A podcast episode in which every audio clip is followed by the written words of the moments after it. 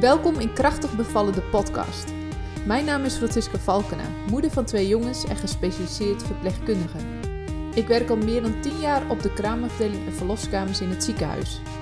Met deze podcast wil ik je informeren, motiveren en inspireren over de zwangerschap, bevallen en de kraamtijd. Naast mijn werk in het ziekenhuis heb ik een online platform voor zwangere vrouwen opgezet. Op dit platform kun je andere zwangere vrouwen ontmoeten en staat er een complete en deskundige cursus voor je klaar. Wil jij goed voorbereid zijn op jouw bevalling? Kijk dan op www.krachtigbevallen.nl. Seks tijdens de zwangerschap en na de bevalling. Hoe zit dat eigenlijk? Nienke van der Velde, gynaecoloog en seksuoloog, vertelt erover in deze podcastaflevering. Veel vrouwen hebben vragen ingestuurd en daar geeft Nienke antwoord op. Laten we beginnen. Ja. Welkom, welkom Nienke. Superleuk uh, dat je er bent. Deze keer op een avond, dus ja. weer, weer eens wat anders. Dus als mensen denken, hey, het wordt een beetje schemerig, dan uh, kan dat kloppen. Um, we gaan het vandaag hebben over seksuologie.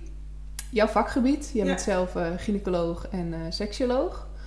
En ja, misschien kun jij de zwanger een beetje meenemen ja, wat je in jouw vakgebied zoal tegenkomt en hoe je bij jou terecht kan komen. Ja, ja ik um, ja, ben inderdaad gewoon eigenlijk algemeen gynaecoloog, maar ik heb daarnaast een opleiding gedaan uh, om ook uh, seksoloog te kunnen zijn. Dus dat is eigenlijk mijn aandachtsgebied.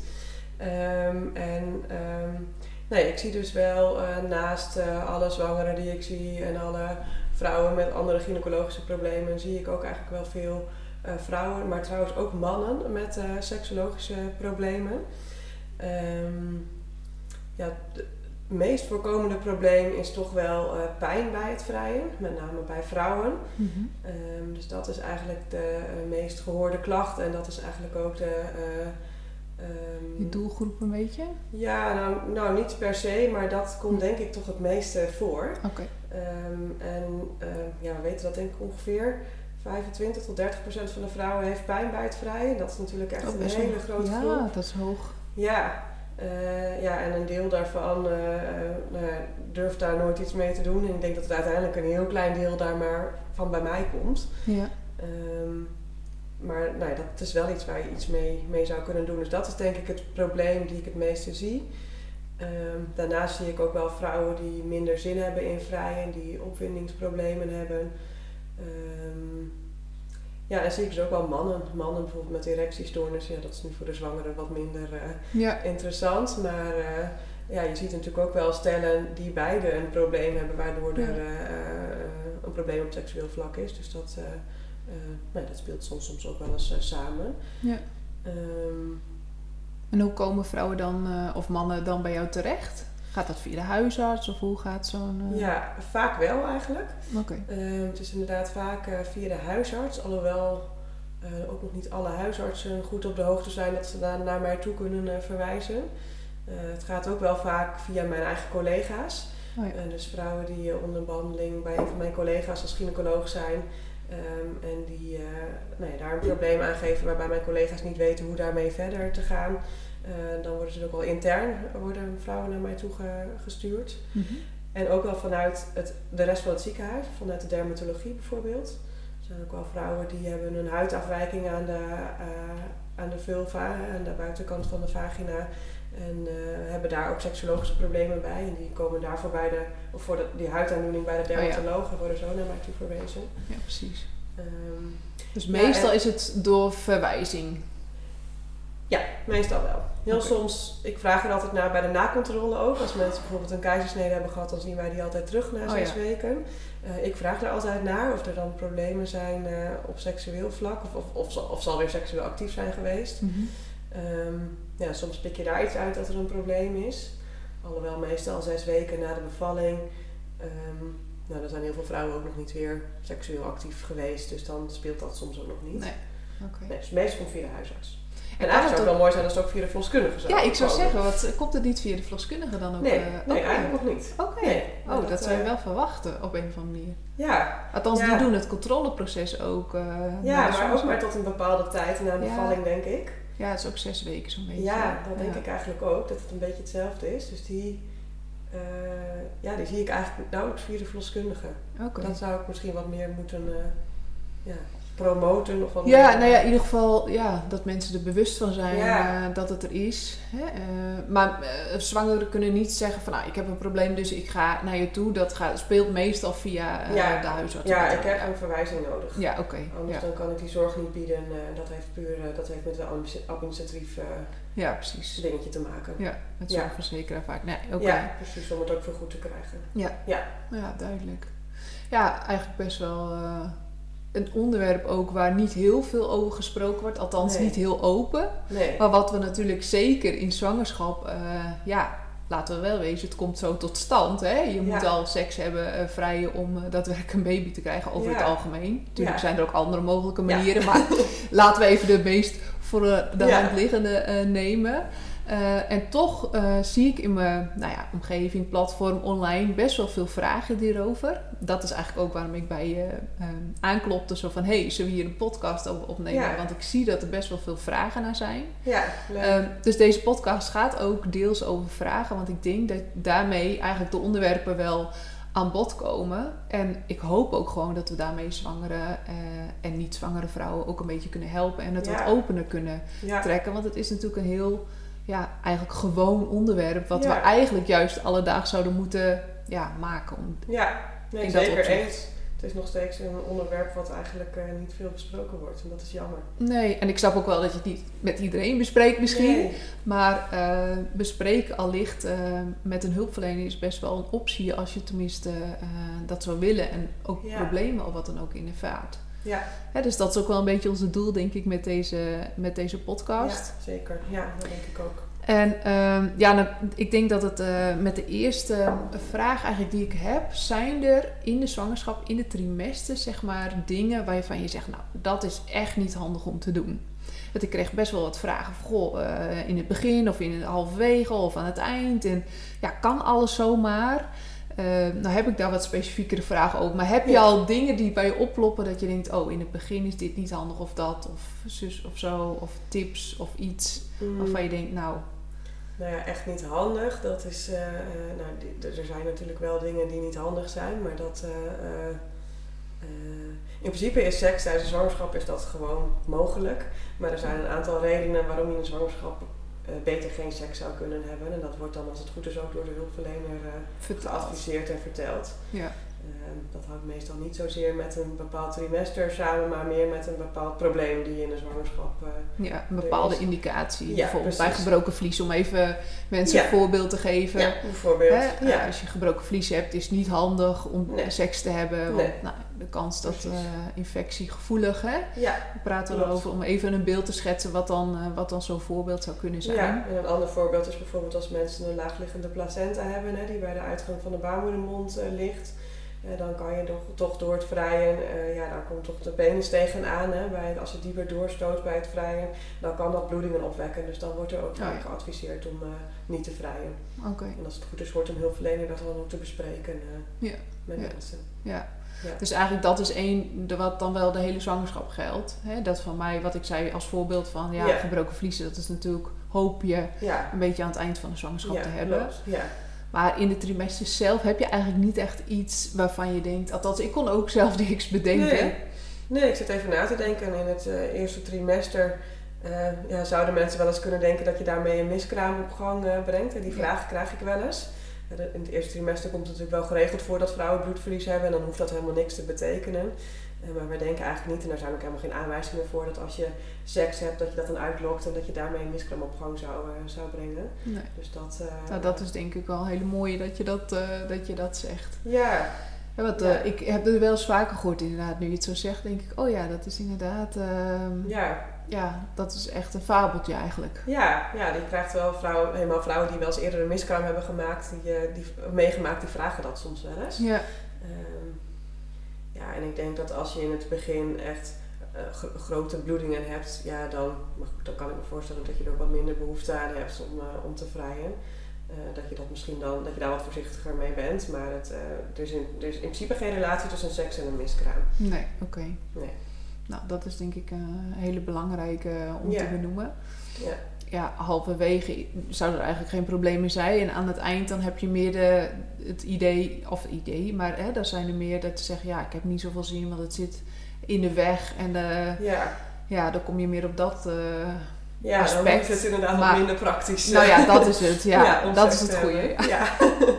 Dan zit die buik in de weg en dan kun je misschien niet meer bepaalde houdingen Nee. aannemen die je voorheen gewend was te doen. Of, eh, dus dan, eh, en, en ik denk dat zwangeren die aan het einde van de zwangerschap zijn ook toch meer moe zijn. Ja. en al veel energie zeg maar, verspillen aan de zwangerschap op zich. En vaak ook nou ja, dan geen zin of geen energie meer hebben voor het Nee, en dat is ook gewoon normaal. Hè? Ja, dat is dat ook kan normaal goed. ja, Er dat zijn juist ook vrouwen die hebben, die hebben veel meer zin in de zwangerschap. Dat Ja. hoor je ook wel eens. ja. Dus het kan, het kan heel erg wisselen.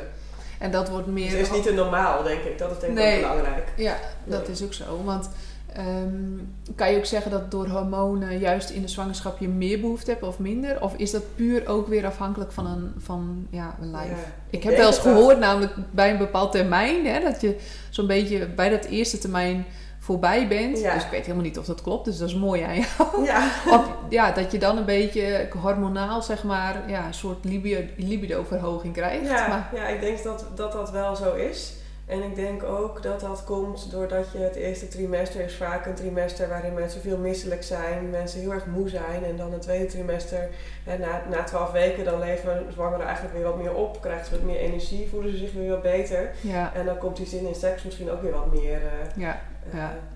Dus da daar zit dan ook zeg maar een soort. eh ja, wat doet wat?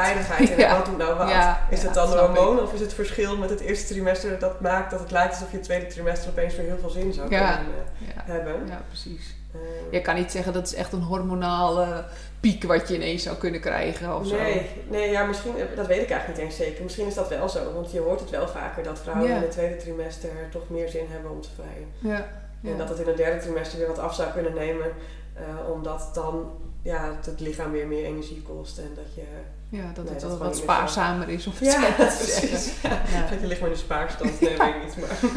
Nee, Nee. ja, nee, oké. Ja, grappig. Ehm, nou, ik, ik denk dat het leuk is om de, met de vragen eh, te beginnen Ja, die, ik be- ben eh, die ik binnenkreeg. Ik kreeg zowel via het platform van Kracht en Beval even voor je, voor je idee eh, Ja. vragen binnen, maar ook eh, gewoon online. Ik heb ze ook gewoon op social media gegooid. Dus dat is wel leuk dat er van Ja. alle hoeken wat kwam. Ja. Maar hier was een vraag van een mevrouw die zei: mijn, bang, mijn man is bang om de baby te raken met zijn penis. Kan dat? Ja. Dat is een logische vraag, denk ik. Want ik denk dat die vraag veel speelt. Ehm, nee, je raakt de baby niet direct. Eh, je komt vaginaal tegen de baarmoedermond aan. En het is natuurlijk wel zo dat helemaal later in de zwangerschap ligt de baby natuurlijk wel tegen de baarmoedermond eh, aan vanaf de binnenkant. Maar de baarmoedermond is toch wel echt een, goed, ja, goede bescherming. Die meestal ook wel een centimeter of 4, 5 lang is op het moment dat je geen weeën hebt. Wat er nog tussen eh, zit. Ja, dus dat dus is je komt werkelijk... niet direct tegen nee, de baby aan. precies. Nee. Nee. Maar goed, de baby zou wel een beetje op en neer kunnen gaan, denk ik, door indirect, eh, eh, dat de penis er indirect tegenaan komt. Ja, ja. Maar heeft een baby dat door? Nee. Nee. Nee. Nee, dat heeft de baby helemaal niet door. Nee, maar dat is een hele belangrijke, denk ik, voor de Oh, mensen ja, om eh, te benoemen, denk ik, dat dat echt niet... Nee, dat het is baby- bijna hetzelfde als dat jij zou huppelen, denk ik, en de baby gaat dan ook een beetje op en neer. Ja, precies. Het Dat is, is een goede vergelijking, denk ja. ik. Ja, ja, En datzelfde gebeurt ook bij het vrijen, dus dat is natuurlijk afhankelijk van de bewegingen van de vrouw ook. ja, Ja. precies. Ja. Nee, duidelijk. Eh, de tweede vraag was: Mijn partner vindt mijn zwangere lijf minder aantrekkelijk. Wat kan ik hier tegen doen? Nou, ik vond het een hele leuke vraag. Ja, Maar ik dacht, dat is best een ja. Best een moeilijke eh, Ja, vraag. eh. maar ik, het, ge- gek genoeg kreeg ik hem ook op andere manieren wel Oh. binnen. Van goh, hè, je lijf verandert zo. Ik denk dat dat meer de insteek is. Je lijf die verandert zo. Ja.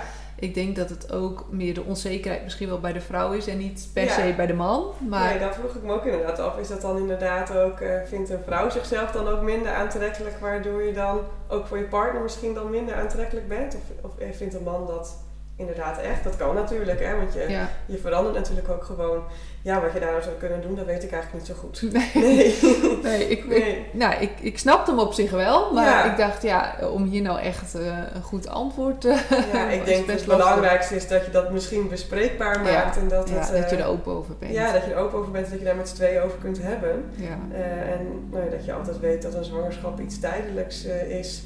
Ehm, ja, Ja, en ook dan kun je het leuk maken. Hè? Eh, het is niet zo dat je dan niks meer kan Nee. ineens. Hè? Je Nee. kunt gewoon eh, ja, toch op een andere manier eh, prima vrije. Ja, of intiem zijn. Dat hoeft misschien niet eens met Nee, seks te zijn, maar gewoon op lichamelijk vlak.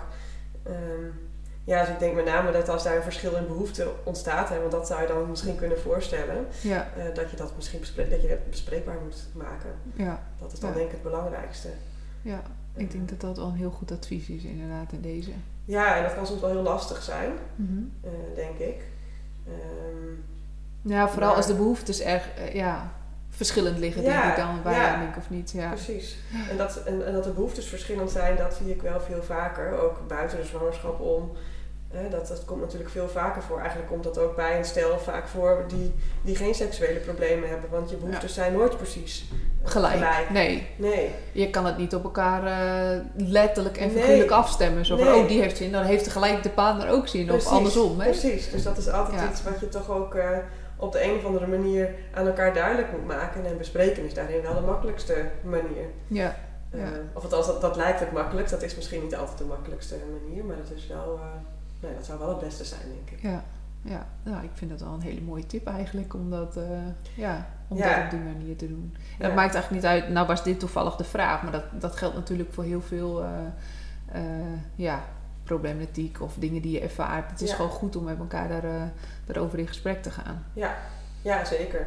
Dat is ook wel een van de basis eh, dingen die ik denk ik, die ik gebruik, zeg maar, ook in de behandeling. Eh, Ja. van vrouwen en mannen met seksologische problemen. Want eigenlijk komt het er toch heel vaak op neer als dingen open besproken worden en als het eh, ook met stellen hè, duidelijk worden voor de ene voor de ander waarom er een bepaald probleem speelt en wat er dan in het hoofd bij diegene speelt, dan ontstaat er al meer begrip en soms helpt dat al in het, in het probleem. Ja. Ja, daar heb je meer een coachende functie bijna. Zo Ja. van, goh, hè? eh, Ja. ja, precies. Ja, dat heb ik ook vaak wel. Ja, dat geloof ik wel. Ja. Want, want komen vrouwen dan eh, alleen... Ja, dat hangt natuurlijk van het probleem af. Maar, maar ja, betrek je vaak de mannen erbij? Of andersom, zeg maar? Hoe, hoe gaat zoiets? Ja, het liefst wel. En dat hangt natuurlijk een beetje van de vrouw van het probleem af, eh, nou wat iemand ook wil. En sommige vrouwen vinden het prettig om eerst zelf even te komen en zelf het probleem te bespreken. Ja, en kan ik me ook wel voorstellen. Ja, en sommigen vinden het fijn om meteen ook met een partner te komen. Eh, maar eigenlijk, eh, nou ja, na een gesprek, als we ook een gesprek alleen hebben, vind, ja, dan bespreek ik altijd wel met dat het goed is dat ook de partner een keer meekomt. Ja, precies. Ehm, eigenlijk tweeledig, dat ik ook het verhaal van de partner eh, kan horen en daar Oh, ja. vragen over kan stellen die, nou ja, meestal denk ik wel net een beetje anders zijn dan als ze het er onderling over de problemen hebben. Ja. Maar ook, ik geef natuurlijk ook veel uitleg over wat, wat ze zouden kunnen doen, hoe, het probleem aan te pakken en wat normaal is. En uitleg over wat, eh, nou, wat ik denk dat mogelijke oorzaken zouden kunnen zijn. En ik denk dat het goed is dat de partner dat ook hoort. ja. Eh, en dat het lastig is omdat, als ik dat aan, aan een vrouw bijvoorbeeld vertel, dat, dat, dat je dat dan thuis weer moet vertellen. Want Ja. dan mis je denk ik altijd bepaalde stukjes. Ja, en ik denk, ik denk dat het ook wel heel goed is als je dan... Ja, het is vaak een, ja, laten we wel eens, vaak een gezamenlijk probleem. Ja. Althans, in de meeste gevallen denk ik dat het vaak een gezamenlijk Ja. eh, eh, of Ja. probleem... Ja, dan klinkt het weer heel, zwaar. Maar goed, hè, je komt met een probleemvraag, zeg maar. En vaak, ja, op seksueel gebied, als het tenminste om een stel gaat... is het natuurlijk ook iets wat je samen beleeft. En dat je samen iets... eh, ja, waar je het Ja. samen prettig in wil hebben in ieder zeker, geval. zeker. Ja, zo zie ik het ook en zo leg ik dat ook aan mensen uit. Want heel, er zijn toch wel veel vrouwen die, als zij pijn ervaren, vinden dat het hun probleem is, omdat zij zeg maar die pijn hebben. Oh ja, En dat er bij de partner eigenlijk niet een probleem speelt, omdat zij, eh, maar goed, ja, die hebben daar denk ik indirect ook. Eh, Ja, die vinden dat ook niet leuk. Nee, die denken niet, nee. oh god, wat is dit gezellig, Precies, zeg maar. Of wat nee. is dit fijn. En die vinden het Eh, ook niet fijn om hun partner meestal pijn eh, te Nee, doen. precies. Nee, En dat dan kan is, ik me voorstellen. dan is het ook niet leuk om, eh, om seks te hebben. Nee, nee. Dus dat, eh, eh, nou ja, op die manier, als, het, als ben je het met elkaar in gesprek, zeg Ja. maar. Ja, oké. Ja, en is het ook wel logisch dat je dan denk ik een partner er wel bij betrekt. Ja, En de meeste partners vinden dat gelukkig ook prima, is mijn ervaring. ja, En snappen dat heel goed. ja. Ja, Ja. is ook zo. Ik denk dat je niet, eh, tenminste, als je een liefdesrelatie hebt, wil je natuurlijk ook dat je partner eh, ja, zich daar goed in voelt. Ja, precies. Op wat voor manier dan Ja. ook. eh, precies. ja. Nou ja, natuurlijk vindt niet elke partner dat, maar dan denk ik, dan hoop ik dat door mijn uitleg daarover, dat ze dat daar wel op een andere manier naar kunnen kijken. Ja, Ja, snap ik. Ja. Want dat is volgens mij ook gelijk de, de volgende vraag, is eigenlijk eh, pijn eh, tijdens de seks. Hè? Wat kan ik hier aan doen? Eh, vroeg, vroeg iemand daadwerkelijk. Nou ja, dat is een hele algemene vraag. Ja, Maar, een hele brede vraag. ja, Ja. maar ik, ik kon er wel een beetje uithalen dat het nu vooral ehm, tijdens, ehm, ehm, tijdens de zwangerschap was. Ja. Nou weet ik zelf ook hè, dat natuurlijk de vulva, hè, de vaginale gebied is ook wel een beetje anders is hè, bij een vrouw. klopt, ja. Meer door bloed. En, eh, zou je daar iets over kunnen vertellen? Ja, het is inderdaad eh, meer door bloed. Het kan wat meer gezwollen eh, zijn. We zien ook wel veel vrouwen die bijvoorbeeld ook spataderen krijgen in de zwangerschap, in de schaamlippen bijvoorbeeld. En dat kan heel gevoelig en pijnlijk zijn. Ja, dan, dan is de seks ook pijnlijk en gevoelig. Eh, het kan ook, ja, sommige vrouwen hebben toch vaker een schimmelinfectie tijdens de zwangerschap. Het, er verandert ook een beetje iets in de vaginale bacteriehuishouding, zeg maar. Ja. Ehm, en dan is het soms wat meer geïrriteerd van binnen. Ehm, ja, dat maakt dat die vrouwen wel pijn kunnen hebben tijdens het, eh, tijdens het vrijen. Ja, en als mijn advies zou daarin zijn, ik denk dat het altijd beter is om te stoppen, om geen pijn te ervaren. Dus als Ja, je pijn ervaart bij het vrijen, dan moet je ermee stoppen. Eh, want dat is niet goed. Ik denk als je doorgaat bij pijn. En dat hoor je toch nog echt heel vaak terug, dat vrouwen toch ondanks de pijn doorgaan. Oh, ja. Want dan denken ze, ja, dat doe ik voor mijn partner. En eh daar moet ik maar even mijn tanden op elkaar bijten. Ja, dat is denk ik echt niet goed. Eh, dus dat moet je echt niet doen. Ehm, dus dan, eh, ja, dan is eigenlijk mijn advies om op dat moment te zoeken naar hoe je op een andere manier met elkaar kunt vrijen. Mhm. En vaak is het de penetratie die pijn geeft, maar je kunt ook wel op andere manieren intiem zijn. Ja. Ehm, Ja. Ja, ik weet niet hoor. Ik zat nu ineens, nu je zo dat vertelt, eh glijmiddel kan natuurlijk ook nog een eh, oplossing zijn. Ja. Want hè, als je, ik zat even te denken aan, hè, die, die vagina kan misschien wat droger zijn Ja. of anders, hè, doordat het Ja, ja, gewoon een beetje anders is Ja. in de zwangerschap dan normaal. Ja. Ik zat even puur naar haar vraag te denken Ja. van, goh, wat zou er in de zwangerschap toch anders kunnen zijn? ja. Maar- ja eh, dat kan. Eh, dat kan. Ja, je mag gewoon glijmiddel gebruiken in, de in de dat is geen, eh, hè, dat, Nee, is geen bezwaar in de zwangerschap, dat Nee, ik meer. Nee, eh, nee, dat is geen bezwaar. Dat mag je gewoon gebruiken. Maar over het algemeen zie je vaak dat doordat het wat meer door bloed is, dat het vaak juist sneller wat vochtiger wordt in de zwangerschap. Ja, ook precies. Dat vrouwen vaker wat meer, wat waterige afscheiding krijgen en dat het ook een beetje verandert eh, ten opzichte van hoe het normaal is. Ehm, dus wat dat betreft, qua die vochtigheid, denk ik dat het juist, Misschien wel meer is. ja, dat het juist meer is. Oké, ja. ja. Ja. nou ja, het is goed dat je het zegt. Ja. Want ik denk dat vrouwen zich dat misschien wel afvragen. Ja. Ik had laatst ook een zwangere die zei tegen mij: Het is bij mij zo paars van onderen geworden. Ja, Ja, als je het niet weet, dan Nee. denk ik, ja, dat komt ook hè, door de Ja. doorbloeding en eh, zeker. doordat het een beetje anders kleurt. eh.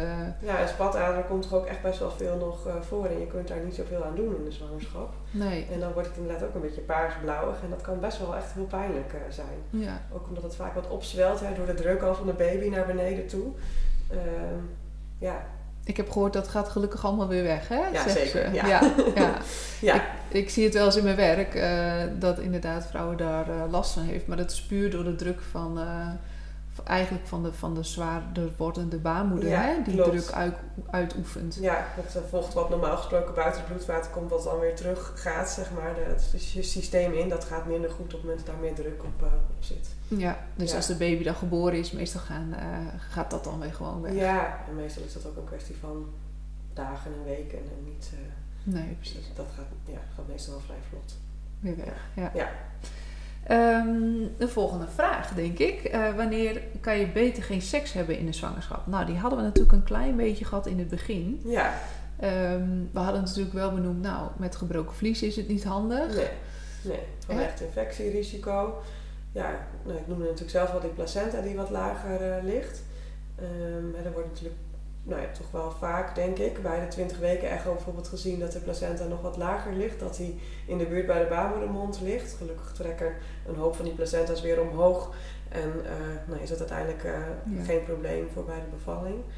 Maar ik denk, eh, nou ja, afhankelijk van hoe die placenta precies ligt, dat dat wel een reden kan zijn dat je adviseert om geen seks te hebben. Ja. Ja, ik zit even over andere Ik dingen kon, zelf, denken. ja, ik kon zelfs nu ook even niet eh, Nee. Mm, meer bedenken. Nee, er zullen ongetwijfeld nog wel redenen kunnen zijn, maar kom maar even niet Nee. over. Nou ja, in ieder geval, hè, onze boodschap was zo net ook al, dan is het ook wel aan je verteld. Hè? Als er echt Ja. dingen zijn waarvan je denkt, nou, dat is beter nu eh, Nee. niet, Nee. hè, dan, dan is, heeft daar een reden voor. Ja. En al het andere buiten de zwangerschap is gewoon mogelijk. Ja. Eh, ik denk dat dat wel een ja, en ik denk dat als, iets, als je het niet weet, ja, maak het alsjeblieft bespreekbaar. Ja, vraag het gewoon. Nee, vraag het gewoon. Ja, is ook Want, zo. ehm, Ook je verloskundige is er Ja. gewoon voor, hè? zeker, je kan daar ook gewoon antwoord op geven. Eh, en het voelt voor veel vrouwen soms toch als een wat lastige vraag om te stellen, maar het is eigenlijk een hele normale vraag, denk Ja. ik. En ja, hoe moet je dat weten als je niet... eh, Nee, precies. En volgens mij, er is ook een, geen verloskundige die dat een gekke vraag vindt. Nee, hè? Dat, is, nee, eh, nee. dat hoort echt wel bij ons werk ook gewoon. Dat dus denk dat ik is ook. geen. eh, ja, zeker. Ja, dat is echt geen gekke vraag. Ehm, ik had nog een vraag, of nou ja, ik niet, maar een van de, Ja. de zwangere vroeg nog: eh, waarom krijg ik harde buiken na het vrijen? Ja, dat... eh, ehm, Die heb ik best wel vaak eh, Ja. gehoord. Ja, ik denk toch dat je op de een of andere manier, ehm, als je zeg maar bij penetratie, dat is de, de penis komt natuurlijk wel tegen de baarmoedermond. En ik denk dat in de zwangerschap de baarmoeder veel gevoeliger is en makkelijk ja, toch samentrekt. Eh, ook, dat gebeurt natuurlijk ook als je bijvoorbeeld eh, bij bepaalde inspanningen, dat, je ook, dat sommige zwangeren ook vaker harde buiken krijgen. Ja, Ja, seks is wat dat betreft ook een soort van inspanning ja, waarbij dat, eh, waarbij dat kan gebeuren. Eh, dat is gewoon een normale reactie van de baarmoeder, denk ik. ja, precies. Ehm, en bij, als je dan hebt over, nou, niet alleen over seks, maar ook over een orgasme. dat, een orgasme is natuurlijk ook, ook buiten de zwangerschap om vaak een soort ontlading van een samenspanning van spieren. Eh, en ook van de baarmoederspier, zeg maar, want dat is eigenlijk ook gewoon een spier. ja. Eh, dus dat leidt in een zwangerschap eh, ook tot ja, wat harde buiken. ja, precies. En die baarmoeder is zo groot dat je het normaal misschien niet voelt. Nee, Niet sommige heel wel, bewust denk voelt. ik. Sommige vrouwen wel, maar inderdaad de meeste vrouwen niet. Nee. Eh, En als zo'n baarmoeder natuurlijk een soort uitgerekt is en eh, ja, zit er Ja. nog een kind in, zal je het misschien sneller voelen. Ja. Kan ik me voorstellen. Ja, dat denk ik ook. En dan voelt het ook ongemakkelijker of zo, omdat het dan je hele buik is. Die Ja, precies. van Ja, ja, ja, ja. Terwijl het normaal gesproken als je niet zwanger bent natuurlijk alleen onder in je buik eh, zou zitten. Ja, Ehm, ja, en dat kan ook echt geen enkele kwaad. nee, precies. dat- Dat is goed, denk Ja. ik. Denk dat harde de- buiken iets is wat heel normaal is in een zwangerschap en ook tijdens het vrijen.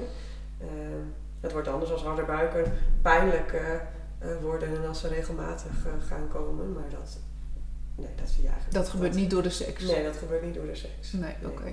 Nee. Ehm, dan komt, dat is misschien een mooie vervolgvraag. Help vrijen om de bevalling op gang te helpen. Ja, dat wordt natuurlijk wel veel eh Ja. beweerd. Ja. Ik moet eigenlijk eerlijk zeggen dat ik niet eens weet wat daar wetenschappelijk over bekend is. Eh, maar het wordt wel gezegd dat dat... eh, Ja, ik heb ooit in mijn opleiding ook een professor eh, gaf ons toen les. En die zei toen tegen ons dat de post, prostaglandines van de mannelijk zaad, zeg maar, ervoor zorgen dat die Oh baarmoedermond week wordt. ja, en precies. Ja. uiteindelijk ja, een soort priming Ja. is. Althans, dat weet ik nog van de opleiding. Ja. Zulke soort dingen blijven ook altijd hangen. Ja, Dat- dat wel inderdaad. Ja, het is, het, is, het is volgens mij... Nou ja, ja, ik kan me het ook wel voorstellen dat dat zo weer zo... Zo, Zo werkt. Ja. Ja, Maar het is niet de seks op zich. Hè? Dus het Nee. is niet de seks op zich die het dan zou doen. Nee. Althans, eh, ja, dit weet ik nog eh, van Ja. mijn opleidingstijd. een tijdje geleden inmiddels. Maar goed, Ja. dan eh, ja, wat ik zeg, hè, zulke onderwerpen maken op een of andere manier eh, toch meer- onthoud je dan toch meer. Maakt meer indruk. Ja. Nee, maar dat is wat ik, wat ik nog weet. Ja. Maar, voor de rest, ja. Ja, ik denk wel dat het zo kan zijn. En ik denk altijd door, dat door gewoon een prikkeling. Hè. We weten natuurlijk ook als je wat verder in de zwangerschap bent en je gaat strippen, dat is natuurlijk ook een soort prikkeling van die baarmoedermond. Ja. Dat je daarop ook zou kunnen gaan bevallen. Ja, ja. Ja, ja, ja. Nou, ik weet dat sommige eerste lijns praktijk adviseren het ook wel eens. Om Bij- seks te hebben. Ja, Oh, na ja. 40 weken. Hè? Om dan toch, eh, nou ja, hè, baat het niet, schaadt het niet, Nee, idee, precies. zeg maar. Nee, hè? grappig. Om dat dan, eh, adviseer, adviseer ik eigenlijk nooit in Nee. het ziekenhuis. Ja, nee. ik, eh, ik weet dat dat wel, eh, ja, dat dat wel gebeurt. Ja. eh. Nee, het is inderdaad ook het niet, dan schaadt het niet. Dat, dat kan ook geen kwaad. Nee, Nee. nou ja, en ik, ik weet dat die postagedines zit een wetenschappelijk aspect in. Dus eh, misschien moet dat er nog eens een keer uitzoeken. Ja, daar moet- daar was ik goed naar kijken. Misschien moeten toch ook actiever mensen gaan adviseren om wat Ja. meer seks te hebben. In plaats van inleiden. Ja, precies. Geen ballon, maar seks. Ja. Zou het wel leuk doen, denk ik. Ja, dat denk ik ook. Oh, ehm, welke had ik nog meer? Oh ja, dat is, eh, dat is ook een, eh, toch wel een, eh, een, ja, vind ik van de laatste jaren de vraag. Ik heb gelezen dat masturberen de bevalling versnelt. Klopt dit? Ja. daar heb ik ook wel eens iets over gelezen. ik geloof we hebben de, niet Nee, we hebben de vraag nu ook wel eens op de verloskamer. Hè? Of hij staat ook wel eens in een bevalplan. Ja, ja. Het stimuleren van tepels en clitoris. Ja, maar, ja. ja. je kan je kan je voorstellen dat daar misschien ook inderdaad oxytocine bij vrijkomt. Hè? Want dat is dan wat er moet gebeuren als je die bevalling wat meer... Of dat dan in zulke hoeveelheden vrijkomt daardoor dat, dat, dat, dat het daardoor versnelt weet ik eigenlijk niet zo goed. Nee. Nee. ik, nee, ik kan me het niet zo goed voorstellen. Ik heb het ook even op, nou ja, opgezocht. Het klinkt altijd heel gek met dit onderwerp. Maar ik heb wel even gekeken of er ook wetenschappelijk uh, bewijsmateriaal voor is. Maar ik, nee, dat kon ik echt niet vinden. Omdat ik ook weet vanuit de verloskamers dat het ja, toch nu steeds regelmatiger is in een bevalplan Ik vraag me dan ook wel eens af hoe mensen dat voor zich zien als ze aan het bevallen zijn. Dat je daar dan op dat moment dat gaat doen of zo. Ja, ja. Maar goed, ja, dat, nou ja, ja ja, dit, dit, valt misschien ook wel in de, onder de mond van baat het niet, schaadt het niet. maar goed, dit is, wel iets wat je, ja, wat je, wat je zou, uh, zou willen. Maar er is niet in ieder geval hard bewijs voor dat zoiets zou versnellen. dat zou het meer uh, qua pijnverlichting, uh, ja, zou ik me dan iets kunnen voorstellen. Ja, misschien dat dat, ja, dat is misschien wel een goede. Dat, dat, dat zou misschien wel kunnen, ja dat je aandacht ergens anders op gefocust is of zo in je lichaam en dat dat... Uh, Precies, dat dat afleidt. Ja. Dat meer. Ja, Althans, dat kon ik me dan beredeneren. Een soort tens, maar dan op een andere manier eh, of zo. dat verkoopt ook wel. Ja. um, deze vraag kreeg ik ook nog van het platform uh, van iemand die maakt, ja, die maakte zich eigenlijk een beetje zorgen. Die zei tegen mij van ja, normaal heb ik best wel een, een uh, krappe vagina, zo noemden ze dat zelf. Hè? dat, ik, dat ze voelt dat ze smal is. Ja. Dat het ook best wel lastig is met de seks af en toe. Ja. maar dat ze er ook in zit of ze dan wel het kindje kan baren. Ja, ja dat is een, een, een, terechte, een logische vraag en een terechte vraag. maar daar moeten ze zich geen zorgen over maken. Nee. je ziet, uh, ik zie ook al vrouwen die echt vaginistisch zijn, hè, die eigenlijk, eigenlijk helemaal, uh, die helemaal geen seks kunnen hebben. Uh, die zelfs niet een tampon kunnen inbrengen. En gek genoeg kunnen die vrouwen heel goed bevallen. Ja. die vrouwen worden vaak op een andere manier zwanger dan met penetratie. Die insemineren zichzelf soms of die krijgen een behandeling. maar bevallen is bij, bij die vrouwen nooit een probleem. Het is toch denk ik dat onder invloed van de hormonen die vrijkomen bij een bevalling, de, uh, ja, het weefsel zeg maar zo soepel wordt en dat dat, uh, ja, dat, dat, dat, dat, kan. kan hè? Ja. Ik zei ook tegen haar, je hoeft, ja, je hoeft je daar geen zorgen Maar ik vertelde haar wel dat ik dus uh, deze podcast ging oh, opnemen.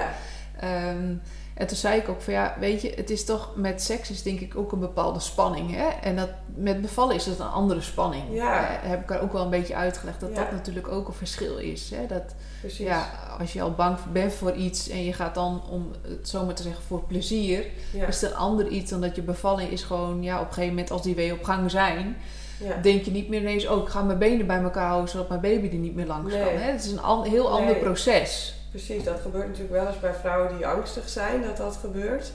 Maar dat heeft denk ik dat heeft geen relatie met uh, iemand die ja, vaginistisch is of vaginisme heeft. Of inderdaad het idee heeft dat het wat krap is buiten de zwangerschap om vaginaal. Ja. Uh, nee, dat is geen enkel uh, probleem. Nee kan wel zo zijn dat hè, wij moeten natuurlijk tijdens de bevalling wordt er natuurlijk wel inwendig onderzoek gedaan om de vordering van de ontsluiting in de gaten te houden. Dat kan soms wel wat vervelend uh, zijn. Maar daar kun je natuurlijk met je verloskundige of je gynaecoloog wel afspraken over maken dat dat zo min mogelijk gedaan wordt. Ja.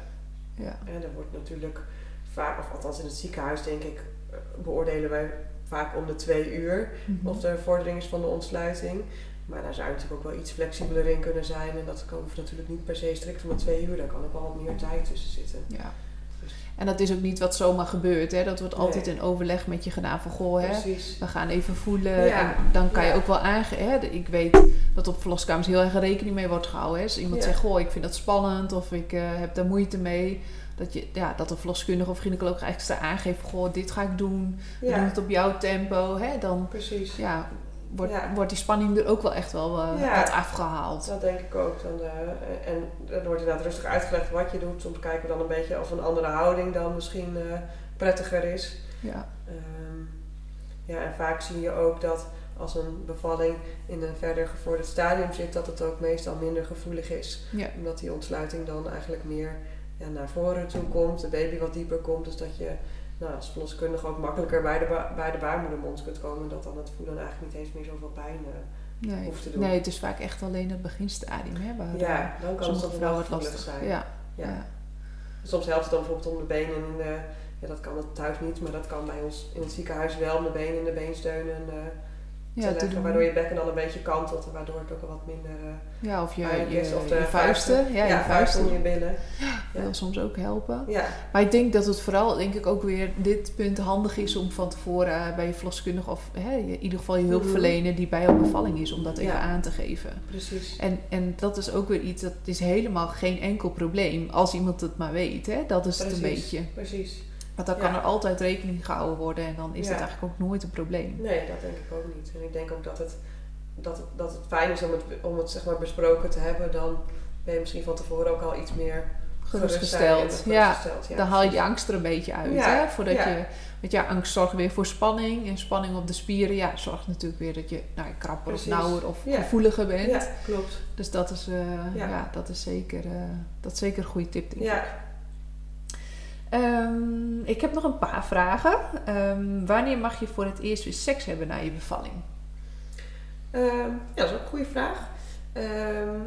Ja, in principe adviseer ik altijd om eh, pas weer seks te hebben op het moment dat je geen bloedverlies meer heeft, hebt. En dat heeft ook met het infectierisico eh, te maken.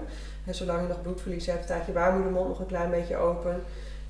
En dan kun je toch makkelijker een infectie krijgen. Daar ben je toch als kraamvrouw wat gevoeliger eh, voor. Ehm, maar op het moment dat je geen bloedverlies meer hebt, dan zit je baarmoedermond eigenlijk alweer nou ja, goed genoeg dicht eh, om de bacteriën zeg maar, weer buiten, erbuiten te houden. Dus dan zou je weer kunnen vrijen. En daarbij adviseer ik altijd, hè, het kan altijd even weer wat anders voelen op, als je net bevallen bent. Ja. Eh, mocht het toch nog pijnlijk of gevoelig zijn, ja, wacht er dan, dan alsjeblieft toch nog even mee. ja. En maakt het dan nog uit als je bijvoorbeeld een knip of een scheurtje of wat dan ook eh, hebt gehad? Ehm, ja, ehm, ja, ik zou, eh, dat, dat moet wel weer hersteld eh, zijn. In die zin dat, het, eh, dat de huid dicht, dicht moet zijn. Ja, Eh, precies. En meestal is dat na een paar weken is dat zo als het herstel gewoon normaal verloopt. Ja, precies. Dus Ja. eigenlijk als je niet meer ja, bloedverlies hebt en je wonden, of wonden, zo Ja. klinkt of... Ja. dat is, hè, maar stel dat je wondjes hebt, dat, je, dat dat gewoon weer dicht moet zijn, hersteld moet zijn voordat je dat... Ja, en eigenlijk is eigenlijk bijna elke scheur of knip is na een paar weken wel gewoon echt helemaal goed dicht. ja, precies. Eh, tenzij er natuurlijk iets heeft gespeeld als een infectie of dat er een probleem is geweest. Maar eh, als het gewoon normaal herstelt, is dat na een paar weken gewoon het geval. Ja. Ja, En dan is denk ik, althans de vervolgvraag wat ik dan denk, dan moet je ook weer aan anticonceptie denken. ja zeker. Want sommige vrouwen denken van nou, dan ben ik voorlopig eh, Ja. Nou, niet vruchtbaar nog, Nee, maar dat is nee. echt wel anders. Ja, dat klopt. Vrouwen, en helemaal vrouwen die bijvoorbeeld borstvoeding geven, die, worden, eh, ja, die, die hoeven nog niet ongesteld weer te worden. Eh, maar dat kan wel. Ehm, dus die borstvoeding is niet een goede onderdrukker van de ijsprong. Want er zijn vrouwen die borstvoeding geven, maar die gewoon wel een ijsprong kunnen eh, krijgen. Dus dan zou je theoretisch gezien natuurlijk ook weer zwanger kunnen worden als je Ja. dan ook seks hebt gehad. Ehm, dus inderdaad, we adviseren vrouwen eh, altijd wel weer na te denken over anticonceptie. Ja. Ja. En dan maakt het dus eigenlijk niet uit of je borstvoeding of flesvoeding krijgt. Of geeft, zeg maar. Eh, nee. Nou, in die zin dat je als je borstvoeding geeft, dan komt je cyclus eh, Later op gang. later op gang. Of ja, of dan, ja vaak niet, maar kan, je kan dus wel, zeg maar. eh, weer het is niet de goede-. Nee. Nee. En als je flesvoeding geeft, ja, dan komt je cyclus weer op gang. Dus dan zie je eigenlijk vaak dat binnen vier tot acht weken na een bevalling iemand weer een menstruatie heeft gehad. Ja, dus Ja. dat is best wel vlot, hè? Mensen Ja. denken vaak, nou, het is best wel een tijdje, blijft het uit. Maar Ja. eigenlijk na vier weken zou je theoretisch Ja, weer zwanger kunnen ja worden. zeker. Dus dat is best... eh, Dus dat is wel iets om over na te denken, denk ik. En eh, daar rekening mee te houden. ja, dat is een goeie. ja, Dat is een goeie. Ehm, dit is ook een vrij ruime vraag. Maar goed, ik heb nog pijnklachten na de bevalling. Eh, kan dit door mijn knip komen? En wat kan ik eraan doen? Ja, dat kan, denk ik. Ja. ja, er zijn wel veel vrouwen die denk ik nog pijnklachten hebben na een bevalling door een knip of een scheur. Ja, dat blijft toch eerst een gevoelige plek. Daar zit natuurlijk op het moment dat het herstelt is gewoon littekenweefsel. Ja. Dat is eigenlijk een beetje hetzelfde als dat je een litteken hebt op een andere plek op je lichaam. dat, eh, ja, dat, kan, dat blijft een gevoelige plek. Ja. En soms echt nog wel maandenlang dat dat een gevoelige plek eh, blijft. ja, en Eh, als dat wrijving komt, dan ja, gaat dat natuurlijk meer zeer doen. Ja, Ja. precies. Ja. Ehm, ja, dus mijn advies daarin is ook als dat nog pijnlijk is en eh, je hebt bijvoorbeeld bij de penetratie, bij de binnengaan van de penis, is dat nog, is dat nog heel pijnlijk, dan, ja, dan moet je dat denk ik nog even niet doen. Nee, precies. Ehm, want nou, jij noemde het net ook al, hè, als je dan doorgaat om zo'n pijn, dan ga je toch onbewust en misschien ook wel bewust meer, raak je meer gespannen. hè, want als je pijn ervaart, dan nou ja, Verkramp je eigenlijk. Ja, verkrampen vaak Ja. mensen. En dat gebeurt ook in het gebied van de bekkenbodem en rond de vagina. Eh, en dan kom je eigenlijk in een soort negatieve eh, spiraal terecht, of in een soort vicieuze cirkel.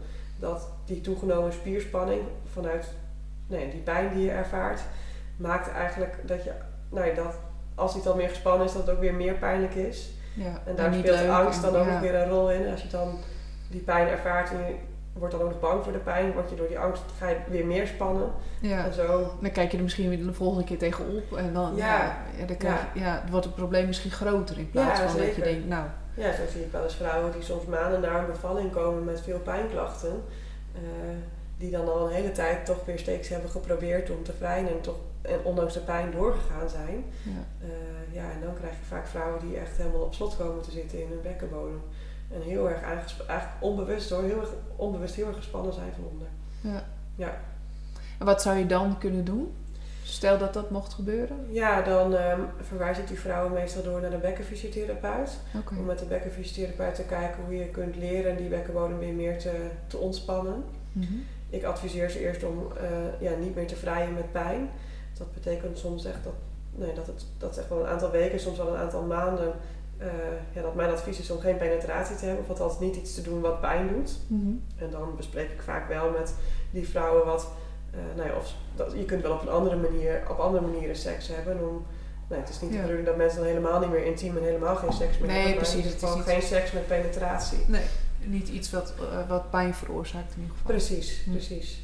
En zo hoop je dan dat we die cirkel kunnen doorbreken. Ja. ja. Dus de bekkenbodem kan daar dus ook, hè, bekkenbodemfysiotherapeut kan daar ook wel een Ja. eh, rol spelen. ja, zeker. Ja. Ja, dus dat kan ook zeker geen kwaad, denk ik. eh. Eh, ik denk dat dat, wordt, dat, wordt, dat gebeurt eigenlijk al steeds vaker. Hè? Ook bij vrouwen die wat meer zijn uitgescheurd. Dat wij natuurlijk vanuit het ziekenhuis ook al de bekkenfysiotherapeut daarbij ja, vragen. klopt. Ja. voor adviezen. Ehm, ja, dat dat misschien ook goed zou zijn om wat laagdrempeliger ook bij meer vrouwen te doen Ja, ja, die klopt. zijn. Ja. Ja, ik weet nog wel, ook vanuit mezelf, dat we wel even advies kregen. Ik refereer nu puur eh, vanuit mezelf hoor. eh, dat, je, nou, hè, dat, dat je zwanger eventueel kunt worden. Ja, En dat de eerste keer een, nou, gevoelig kan zijn. Dus toen kreeg ik als tip van, goh, hè, mocht je er weer eh, nou, behoefte aan hebt, dan Ja. dat glijmiddel dan een optie zou zijn. ja. En dat is de, de voorlichting die ik nog vanuit Oh ja. mijn eh nakontroles Oh weet. Ja. Ehm, dus ja, maar zijn er meer dingen dat je zegt van nou, ehm, dat is nog als tip eh, na de bevalling eh, waar je rekening mee kunt houden? Of wat je. Ehm, ja, of wat je daar, want de vraag was, wat kun je eraan doen om, het, eh, om die pijn minder te maken? Ja, ja. Ja, Ehm, ja wat ik soms wel eens. Ik geef soms ook wel wat vettige crème, omdat op het littekenweefsel eh, Oh ja. eigenlijk gewoon wat vettige, of crème, zalf is het eigenlijk zelf, wat. Een soort vaseline ja, idee? vaseline. Ja. ja. We geven dan vaak ook eh, oogzalf, is dat. En dat is eigenlijk een soort vettige zalf die oogartsen ook wel gebruiken om in de ogen te doen. Dus dat is een hele zachte zalf die je goed op de slijmvliezen kunt smeren. Oh ja. Eh, die je er dan op het littekenweefsel kunt smeren. En eigenlijk is dan door, door dat aan te raken en door het smeren op zichzelf, ja, wordt ook de doorbloeding eh, eh, gestimuleerd en ehm, kan, het wat, kan het weefsel wat soepeler worden. Ja. Wat we zien dat bij vrouwen, ook bijvoorbeeld bij vrouwen die lichensclerosis hebben, een huidaandoening eh, rondom de eh, vagina, Mhm. om dat te gebruiken om ook ervoor te zorgen dat die huid weer wat soepeler wordt. En dat kan, Ja. je, ook bij, dat kan je ook wel bij littekenweefsel doen. Ja, op zich is dat wel een hele mooie tip. En eigenlijk kom je dan ook, althans zo denk ik dan, de vrouw moet gewoon wel goed opgewonden zijn. Hè? Wil je Ja, misschien de eerste keren of, hè, ja, ja, zeker. weer Dat eh, seks hebben. Ja, absoluut. Dat is denk ik ook heel erg belangrijk. Dat je daar aandacht eh, en tijd voor neemt. Ja, En dat kan soms wat lastiger zijn, denk ik, als je ook een baby hebt en heel erg vermoeid bent. ja, Eh, maar dat is wel belangrijk, denk ik. ja. Ja, dat je daar, de tijd voor de neemt. aandacht en tijd voor neemt. Ja, precies. Ja. Want dat was eh, nou de laatste vraag ook wel zo'n beetje. Daar die, eh, moest ik ook wel een beetje om lachen. Want er staat geen zin meer. Schreeuwende baby nu naast ons. Mijn libio is weg. Ja. En ik dacht, ja, ik denk dat die meer vrouwen Ja, herkennen. Dat denk ik ook, ja. ja, dat, dat kan ik me heel goed voorstellen. En je bent natuurlijk ook vermoeid. Ja. En dat zorgt er vaak ook voor dat je geen zin meer hebt. Je, je bent ook nog natuurlijk aan het herstellen van je bevalling. Dus je lichaam heeft natuurlijk heel veel doorgemaakt, denk ik. En ja. eh, dat, heeft, dat, dat heeft een enorme impact. Dus dat kan ik me heel goed voorstellen. Ja, wat je daar zo 1, 2, 3 aan kunt doen, dat is denk ik een hele lastige. Ja. Nou, ik, zit, wel- ik moet nu ine- ineens denken, en ook aan de opleidingstijd. Toen hadden we ook eh, les van een seksuoloog. En die zei, want toen vroeg een, eh, een medestudent, die vroeg, wat is je beste advies? En eh, toen moest ik heel erg lachen om dat advies. Want ze zei, het beste advies is nog, plan de seks in. Ja. Had ze gezegd, in Ja. je agenda. ja. Ze zei, eh, maak er een moment van en zorg dat je... eh, Ja. het- Maar ook dat is met een baby. eh, Ja, is heel lastig. ingewikkeld. Maar ik, ik moest er wel om lachen, want ik dacht, oh ja, ja, misschien Nee, als je gebruik- wacht op het spontane moment, Nee. ja, is misschien wel. Nee, dat gebruik ik ook wel veel in, bij vrouwen die pijnklachten hebben bij het vrijen. En vooral Oh vrouwen die pijnklachten hebben en daardoor helemaal niet meer seksueel actief zijn. En dan speel ik daar een rol in door die vrouwen. ehm, ja, ik doe dan bepaalde, adviseer ze bepaalde oefeningen waarbij ze weer eh, ja, momenten gaan inplannen in, in voor de intimiteit. Oh ja, Ehm, en dan zeg ik ook, je moet het inderdaad plannen. Je moet gewoon kijken in de agenda. Wanneer is een moment dat je, eh, dat je daar tijd voor hebt. Dat je daar ook ontspannen voor kunt zijn. Dus ja niet, precies. niet nee. op een avond voordat je de volgende dag, eh, weet ik veel, iets spannends moet gaan doen. Nee. Ehm, en, en plan het dan in. Ja. Ja, dat, dat, is soms, dat is soms iets heel lastigs Ja. voor mensen. Ja, want bijna iedereen zegt, ja, maar seks moet toch eigenlijk Spontaan, ja, komen? dat, dat Ja. zeiden, weet ik dan dat we dat toen ook zeiden. Van nou, dat is ongezellig, hè? Dan Ja. eh, wordt het helemaal Ja. zo'n eh, plannerij. Maar eh, Ja. later dacht ik daar wel. En toen dacht ik, ja, nou, zo gek is dat nog Nee. niet. Hè? Als je En echt, eigenlijk ja. Komt seks vaak ook niet spontaan. En er moet altijd wel iets gebeuren. aanleiding een zijn. aanleiding zijn. Ja, ja. Je hebt, nou, ik weet ook van mijn opleiding tot seksologie, die daar- ging het over dat je ingrediënten hebt zeg maar, voor het hebben van zin in seks. Oh ja. En die Ja. ingrediënten zijn allereerst dat je erover communiceert. Dus je moet toch zeg maar, met elkaar erover hebben van... eh, en dat, dat, dat, gaat toch altijd met een soort planning dan ook, hè? Ja, Eh, en dat er een goede context moet zijn, zeg maar. De situatie moet er naar zijn dat je ja, seks, dat je zin kunt krijgen. Eh, en dan moeten er ook nog voldoende prikkels zijn ja, eh, om, om opgewonden te raken. ja. Dus het moet aan best wel veel dingen voldoen. Ja, Dus eigenlijk is het ook helemaal niet iets wat zomaar gebeurt als je er zo over nadenkt. Nee, niet wat. eh, ja, Maar goed, zo wordt het wel ervaren als je dan... ja, en ik denk dat het ook wel een beetje verkeerd beeld wordt geschetst door onze Hollywood-sterren, zeg maar. Hè? Waarin mensen kledingen van elkaar aftrekken. Dat je echt denkt, nou, normaal gebeurt dat natuurlijk heus Nee. niet zo. Nee, En ik denk dat daar ook wel eens een beetje ja, miscommunicatie of misvattingen Ja. komen over eh, ja, Ja. hoe seks zou, of hoe vrij je zou moeten zijn. zeker. Dat dat soort ideale manieren om seks te hebben, terwijl het helemaal niet zo hoeft te zijn. Nee. Het is denk ik heel normaal om het daar met elkaar over te hebben van... hè, eh, misschien eh, moeten we vanavond kijken of we Ja, nou ja, wat eerder naar bed gaan... of eerst eens lekker samen douchen en dan, ja, en dan seks hebben. ja. Maar goed, dat, dat, dat blijft toch iets wat, wat veel mensen zeggen... ja, maar dat, dan is het spontane ervan af. ja. Ja, Nou ja, je hoeft, ja, ik bedoel, begin eens met een kus, hè? Dan, eh, Ja. hè, je hoeft het niet eh, misschien per se te bespreken. Ik denk wel dat Nee. dat, ik denk wel dat dat misschien nog wel de meest onderschatte manier is, hè? Dat Ja. mensen het niet bespreken, terwijl maak het juist bespreekbaar, want precies. volgens mij haal je daar al heel veel problematiek uit. Maar eh, ja, je Ja. kan ook met iets kleins beginnen en Ja. dan, eh, En de ja, communicatie hoeft natuurlijk niet per se in woorden te zijn. De Nee, is ook communicatie zo. kan ook op Ja. lichamelijk vlak zijn. ja, Ja. Maar eh, ja, dat is soms weer even zoeken, denk ik, als je bevallen bent. Hoe, hoe je dat weer oppakt en hoe je daarover communiceert. ja, ja, En daarbij komt soms ook dat, nou ja, dat, dat, dat een partner soms daar toch andere verwachtingen van heeft. Eh, er zijn denk ik toch ook wel mannen die... eh, nou, ja, de vrouw is bevallen, nu kan alles weer. Terwijl voor de vrouw dat heel anders kan zijn. En die nog wel in een proces is dat, dat haar lichaam weer helemaal eh, eh, weer opnieuw verandert. ja, ja. Ehm, Weer een soort van terugveranderd, alleen dan, ja. ja, ja.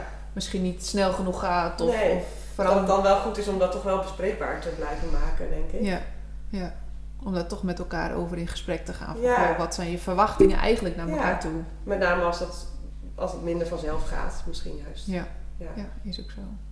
Nou, super. Heel fijn uh, om, uh, om deze onderwerpen, deze vragen te mogen stellen. En dat je zo uh, ja, eerlijk en tips en van alles en nog wat, denk ik, is aan de, aan de orde gekomen.